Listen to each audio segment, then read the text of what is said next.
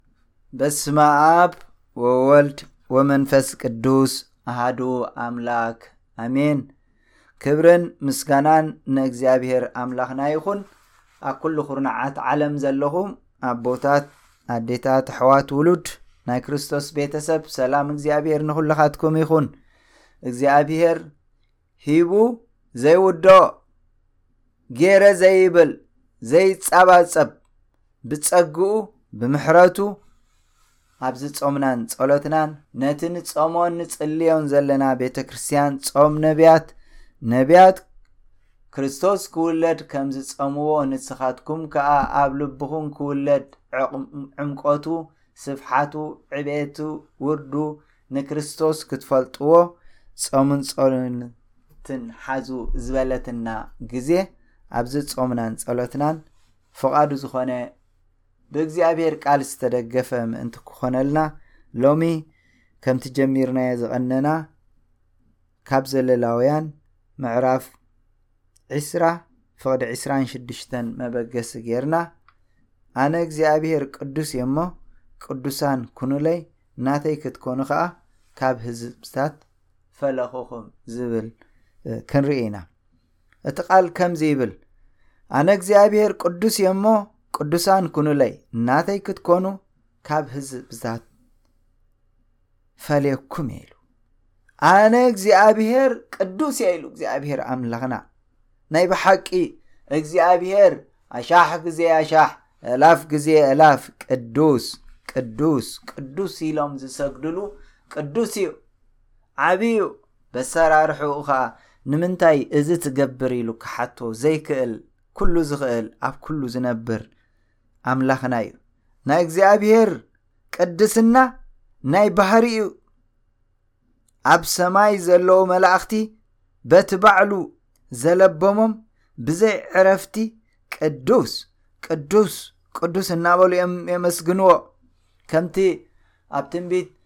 ኢሳያስ ምዕራፍ ሽዱሽተ ፍቕዲ ክልተ ተጻሒፉልና ዘሎ ኣብ ልዕሊኡ ድማ ስራፊኤል ቆይሞም ነበሩ። ነብሲ ወከፍ ሽዱሽተ ክንፊ ኣለዎ፣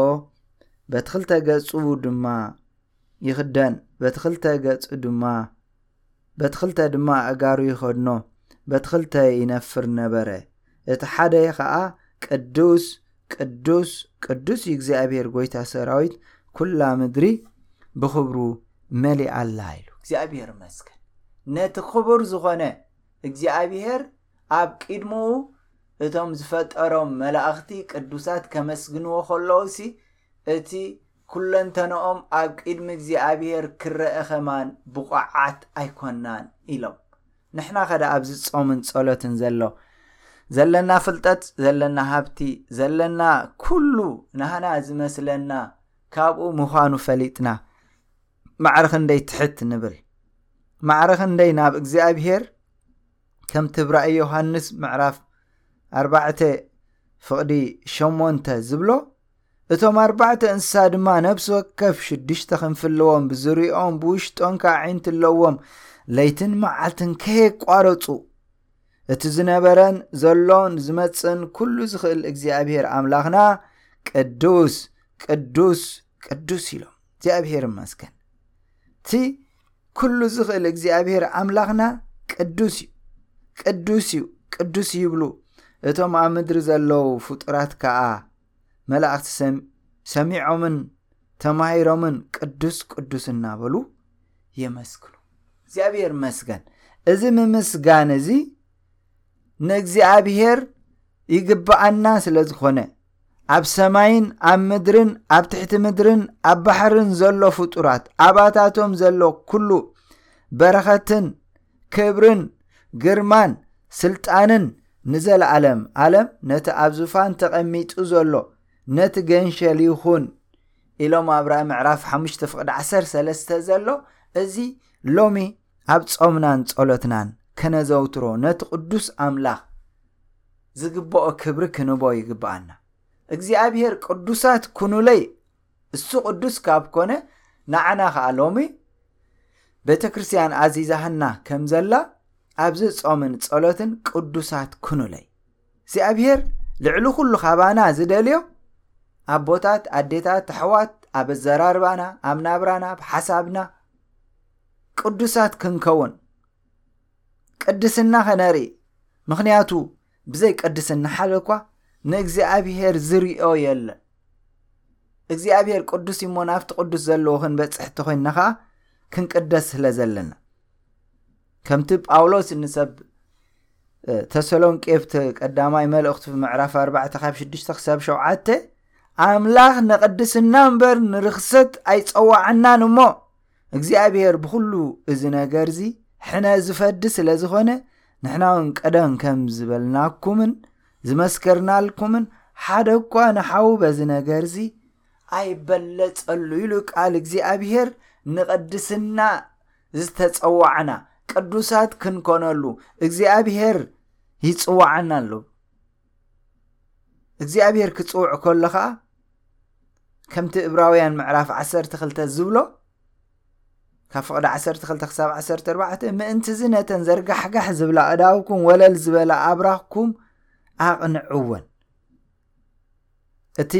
ዝሕንክስ ክሓዊ እምበር ካብ መንገዲ ምእንቲ ከይወፅሲ ነእጋርኩም ትኽ ዝበላ መንገዲ ግበሩ ብዘይ ቅድስና ሓደ እኳ ንእግዚኣብሔር ኣይክርእዮን እዩ እሞ ንቕድስናን ንሰላምን ምስ ኩሉ ሰብ ሰዓቡ ኢሉ ምክንያቱ ናብቲ ቅዱስ ዝኾነ እግዚኣብሔር ኣቦታት ኣዴታት ኣሕዋት ክንቀርብ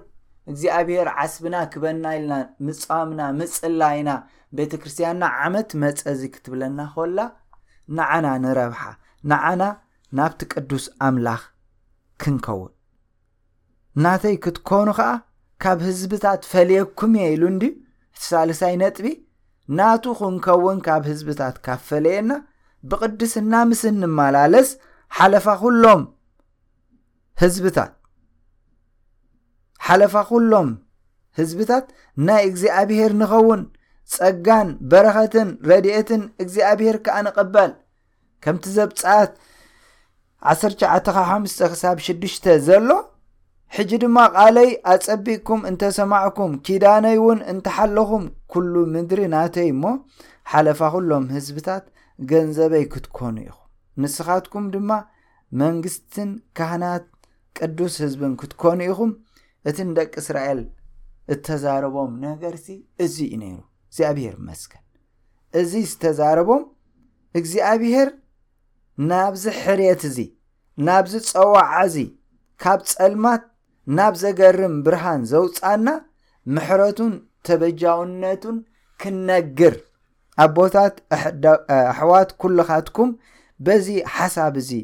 ንስኻትኩም ግና ደግነት እቲ ካብ ጸልማት ናብ ዘገርም ብርሃን ዝጸዋዓኩም ምእንቲ ክትነግሩ ሕሩይ ወለዶ ናይ መንግስቲ ክህነት ቅዱስ ህዝቢ ጥሪት ኣምላኽ ይኹን ከም ዝበለ ቅዱስ ሃዋርያ ጴጥሮስ በዚ ዓይነት ሓሳብ ክንከውን ዝግብኣና እናገበርና ናቱ ምእንቲ ክንከውን በቲ ንሱ ዝመደቦ ምምልላስ ነቲ ንሱ ዝመደቦ ክትፍጽም ኢልካ ኩሉ መከራ ምቕባል ናቱ ምዃን ክሳዕ ክንደይ ከም ዘሐጉስ እቶም ዝጠዓሞ በዓል ነቢ ኤርምያስ ዝመስከርዎ ሎሚ ኣብዚ ጾምናን ጸሎትናን ክንምስክሮ ከነስተማቕሮ ቃል እግዚኣብሔር ይነግረና ወእግዚኣብሔር ኣምላኽ ሰራዊት ቃላትካ ምስ ረኽብክዎ በላዕክዎ ብስንካ ተሰሚኤ እሞ ቃላትካ ሓጎሰይን ፍስሃ ልበይን ኮነኒ ዝተባህለ ኣብዚ ጾምን ጸሎትን እቲ ድኹም ስጋና ድኹም ሕልናና ብጸጋ ኣምላኽ ኣብ ክብሪ እቲ ቅዱስ እግዚኣብሔር ክበጽሕ ምሕረት እግዚኣብሔር ኣምላኽና ጸሎት ኩሎም ቅዱሳን ምስ ኩላህና ክኸውን ሰናይ ፍቓዱ ይኹን ንኣብን ንወልድን መንፈስ ቅዱስን ምስጋና ይኹን ሎምን ኩሉ ሻዕን ንዘለኣለም ኣለም ኣሜን።